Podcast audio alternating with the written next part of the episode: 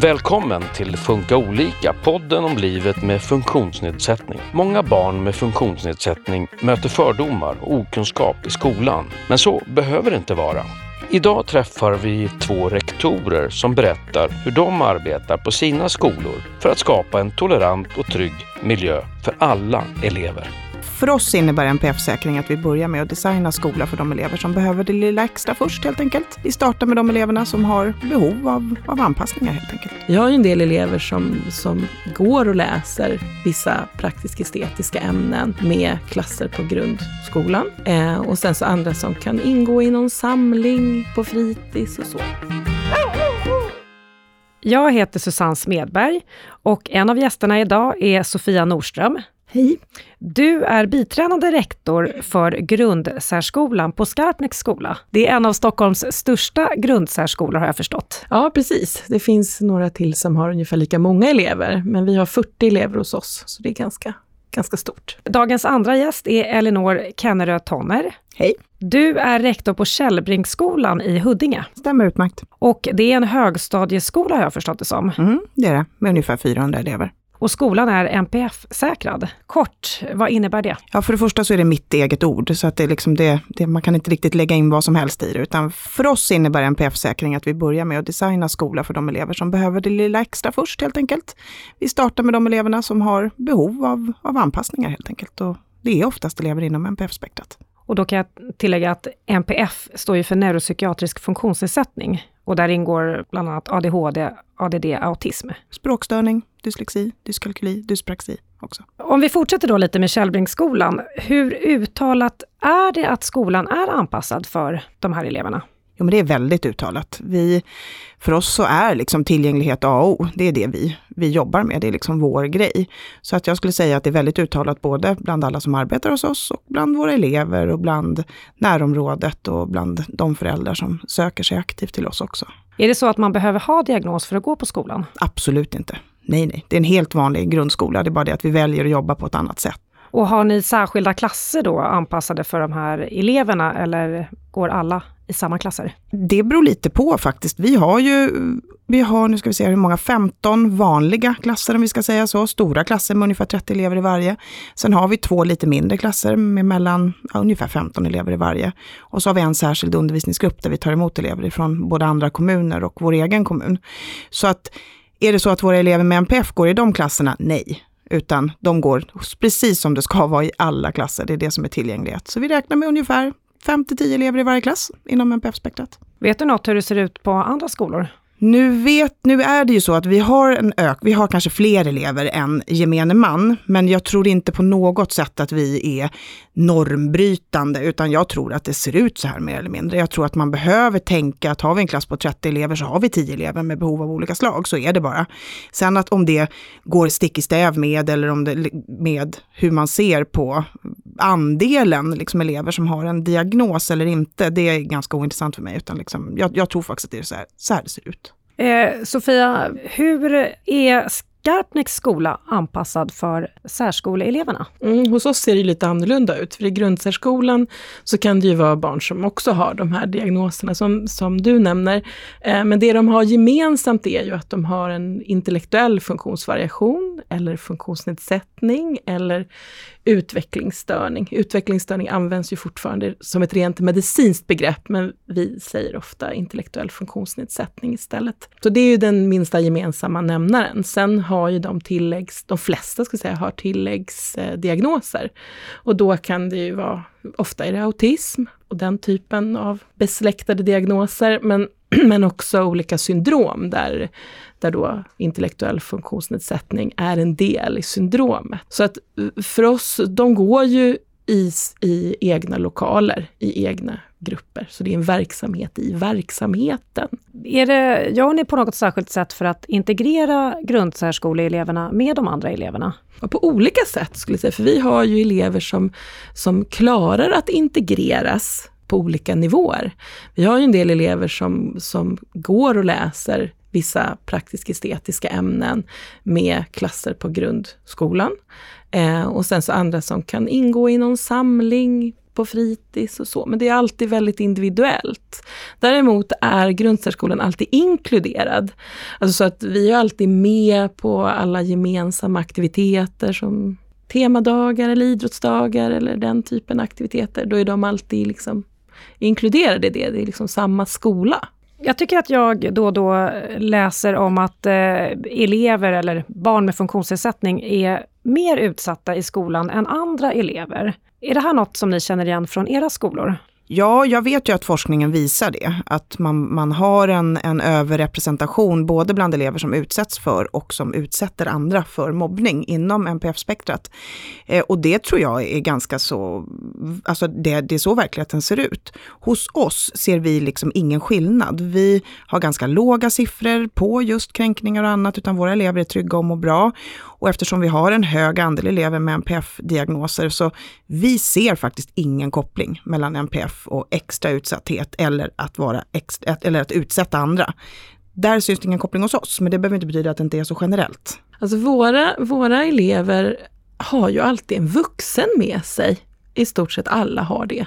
Eh, och då blir det ju liksom av automatik, liksom, då blir det ju så att man, att man inte, man är inte lika sårbar helt enkelt. För mobbing och den här typen av kränkningar, det händer ju inte när det står vuxna bredvid och tittar helt enkelt.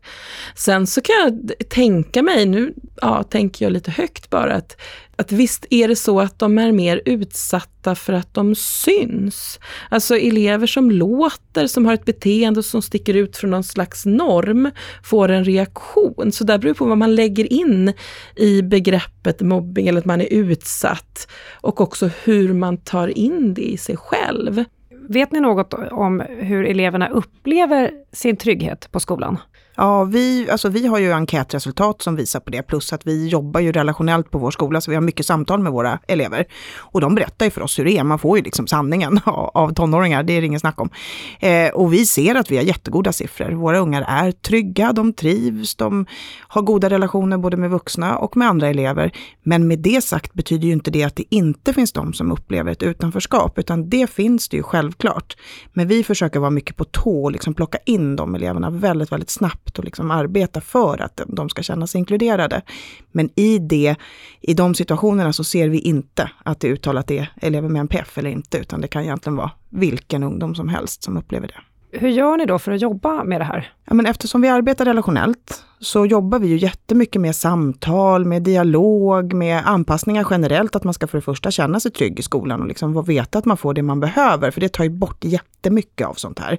Eh, men för oss så tror jag faktiskt att samtalet är den absolut starkaste metoden. Sen har ju vi självklart ett trygghetsteam som jobbar riktat mot händelser. Ifall det skulle uppstå en mobbningssituation så har ju vi personal som har det som uppdrag att jobba liksom enkom med det i de situationerna och reda ut, prata, samtala, prata med vårdnadshavare, se till ifall vi behöver justera någonting i organisationen för att det här ska upphöra och också stötta eleverna, både de som utsätts och de som utsätter. Hur ser det ut på eh, Skarpnäcks skola? Får jag säga så här igen, Ja. att det varierar, får jag säga då. För att eftersom våra elever, det, det så kan vara så stor skillnad på vad man klarar just i och kommunicera hur man har och så, eller kommunicera, punkt. Så, så har vi, vi gör ju också brukarenkäter och så, får ganska begränsade svar. Man, man har inte möjlighet att svara själv eller man får hjälp av sin förälder att svara, vilket gör att vi måste alltid ha med det när vi analyserar resultatet. Eh, sen har ju vi, vi har ju personal som är otroligt duktiga på att läsa av de här barnen som inte kommunicerar. Det är ju de, det, är det de gör varje dag. Och vi ser ju när, när våra elever inte mår bra. Om vi pratar olika eh, funktionsnedsättningar här, är det någon grupp som är lite extra utsatt? Alltså ser man olika på olika typer av funktionsnedsättningar? Ja, det tror jag att man gör. Jag tror att det finns ett stigma kring intellektuell Eh, funktionsnedsättning till exempel. Jag tycker jag kan se det och jag har också inför det här, när vi har haft diskussioner inför den här podden med personalen, eh, så håller de med det, om, om det. Och det tror jag kan bero på många saker. Alltså, ja, det är ingen som säger att utvecklingsstörning är en superkraft till exempel. Det finns inga sådana såna personer som säger det. Ehm, det, är lite ned, alltså, det kan vara lite nedsättande ibland att man har med någon någonstans och så är det lite gulligt. Alltså så att man tittar här nu vad vi inkluderar. Och så, det är svårt att prata om det här. Det sitter också i historiskt, tänker jag, någon slags här, du, du ska vara lönsam lille vän. Hur lönsam är man om man har en utvecklingsstörning? Eh, så det finns mycket stigma, massa gammalt som sitter i och också en sorg i att det finns en begränsad utvecklingspotential. Även om man kan utvecklas och utvecklas och utvecklas. Men man vet att, ja, nej men det här barnet kommer nog inte kunna bo själv eller så. Ja, hos oss, vi har ju inte elever med IF på det sättet som ni har i, i grundsärskolan. Så att jag ser, men jag förstår precis vad du menar. Jag skulle vilja säga att det är exakt likadant. Att elever med IF är ju de som är absolut mest utsatta. Det är jag helt övertygad om generellt. Både om man går integrerat i särskolan eller om man bara går i grundsär så tror jag absolut att det är så. Eh, det vi ser hos oss är väl jag har svårt att se att det skulle vara någon grupp som är mer utsatt än någon annan inom NPF-spektrat. Men däremot så har man ju en extra sårbarhet oavsett om det är en ADHD-diagnos eller en autismdiagnos. Man har ju också en känsla av, av att bli kränkt väldigt lätt. Så att det handlar ju jättemycket mer om individ, att liksom prata med den individen och försöka reda ut i vad är det egentligen som har hänt här.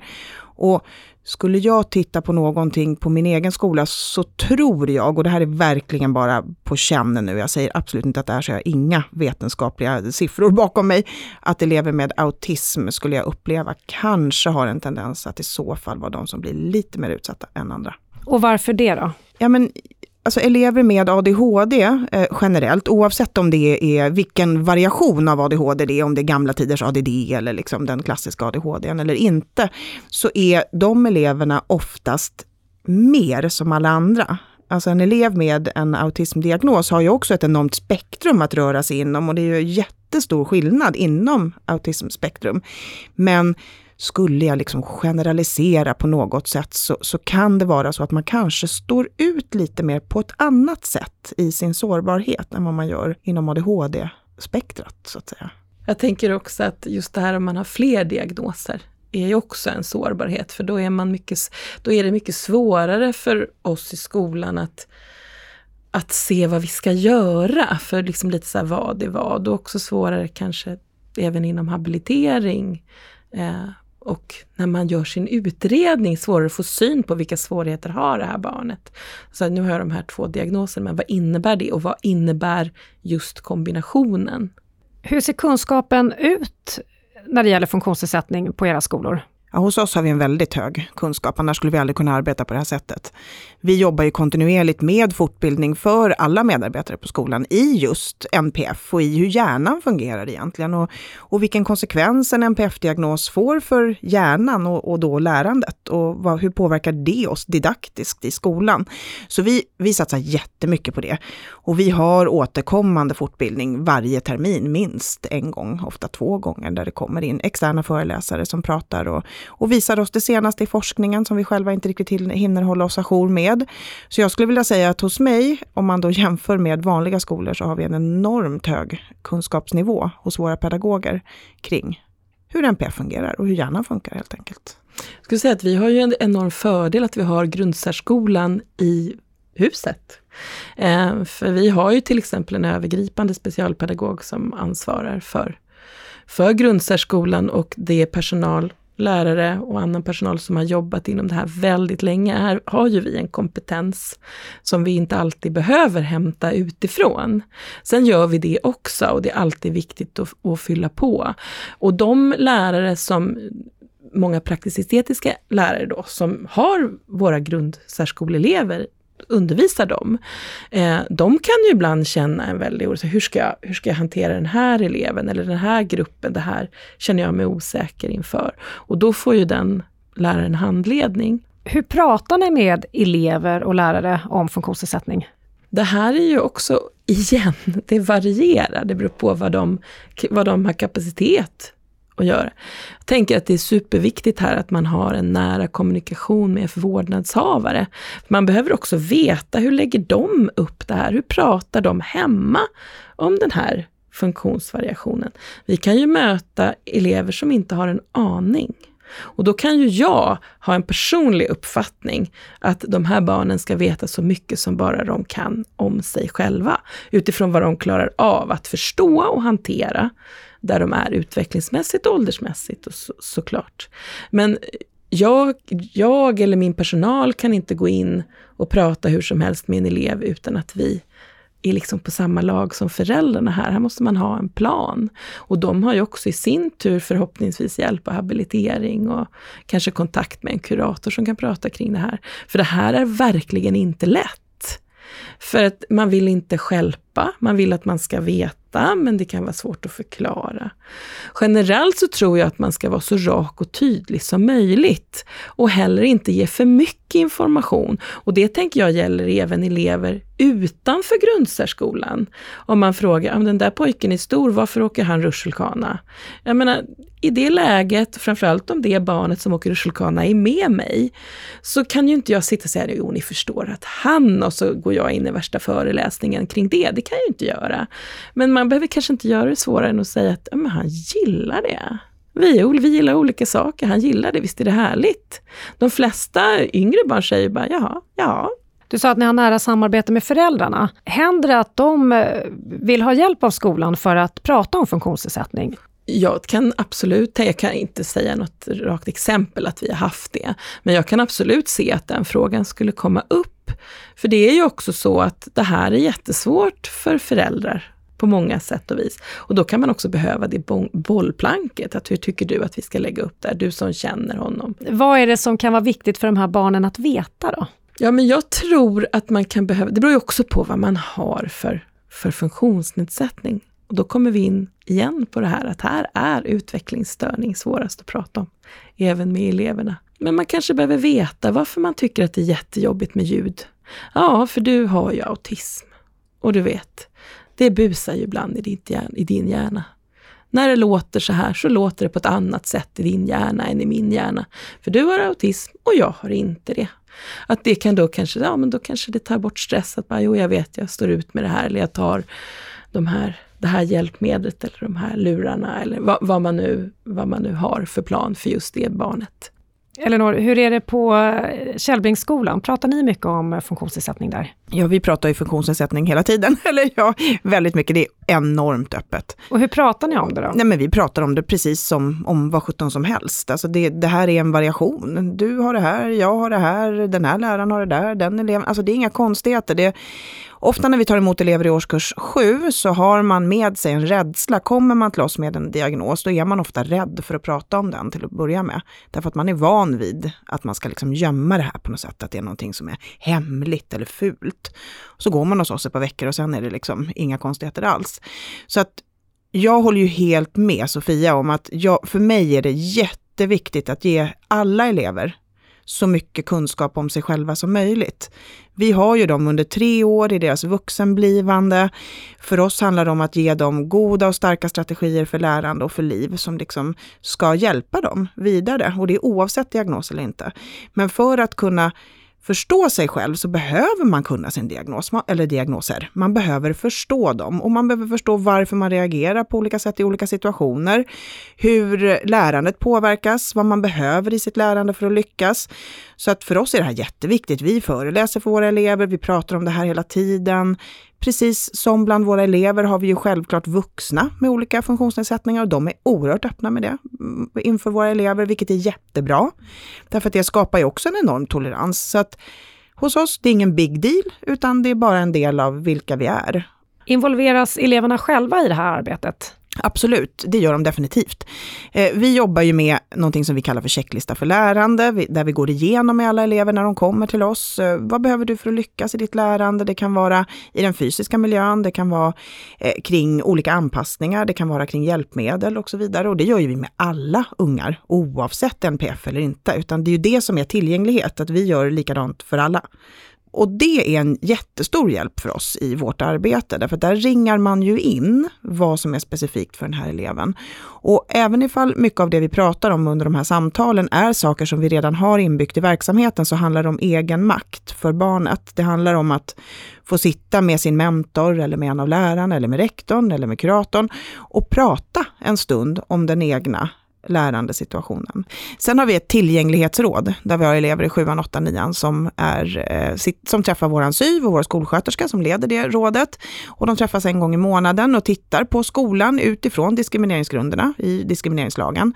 Och det blir ju mycket fokus på funktionsnedsättning hos oss, men det blir också fokus på de andra diskrimineringsgrunderna. Och de, jag brukar kalla dem för vårt lilla expertråd, därför att de, där får man ju tillbaka saker. Det här funkar inte, den här delen av skolan känner vi så här kring och så vidare. Ibland får man också specifika saker som att den här läraren håller för långa genomgångar och, och sånt. Så det är jättespännande och de är ju helt underbara för de säger ju precis som det är. Hur ser det ut på din skola då, Sofia? Involveras eleverna själva i att eh, berätta eller prata om funktionsnedsättningen inför till exempel andra på skolan? Eller? Nej, de är nog inte riktigt där i sin, de, alltså i, i sin utveckling, att de i dagsläget skulle, skulle klara det. Men, men det är absolut någonting som man skulle kunna jobba vidare med. Det vore ju fantastiskt om de kunde det. Vi har haft elever som när de också kommer upp just på högstadiet, det är då som det händer mycket i huvudet, extra mycket i huvudet då, eh, som också har pratat med våran kurator kring sin funktionsnedsättning. Eh, och det är jätte, jätteviktigt att de som klarar det faktiskt kan gå ifrån och prata med en helt utomstående person eh, som inte hänger ihop med skolan och inte som är mamma och pappa eller, eller så. Varför är det viktigt att kunna göra det? För att man är nästan vuxen. Och precis som, som alla barn så vill man inte prata med sina föräldrar om allt. Och det här kan också vara känsligt. För att man kanske är van vid att om vi pratar det här så gråter mamma sen. Så, det, kan, alltså det kan vara en sån sak. Eller fråga saker som hänger ihop med andra saker som är pinsamma när man är 14-15. Eh, det är klart att hela liksom puberteten och känslor kring sånt, det dyker ju upp hos våra barn också. Eller våra elever också.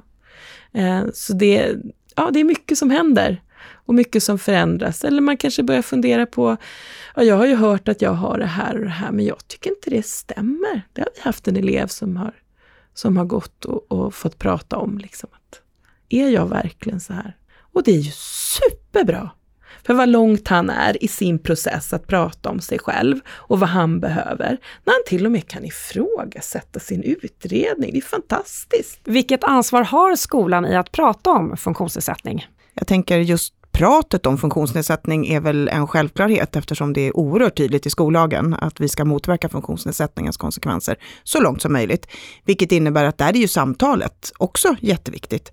Men först och främst så ska vi ju anpassa skolan utifrån elevers behov. Och vi ska liksom skapa en skola som är tillgänglig för alla oavsett förutsättningar. Och i det ligger samtal med elever. Jag tycker att det är helt självklart. Och inte bara med elever, med föräldrar, med lärare, med eh, andra medarbetare på skolan. Alla måste ha en medvetenhet kring det här för att kunna bemöta på rätt sätt.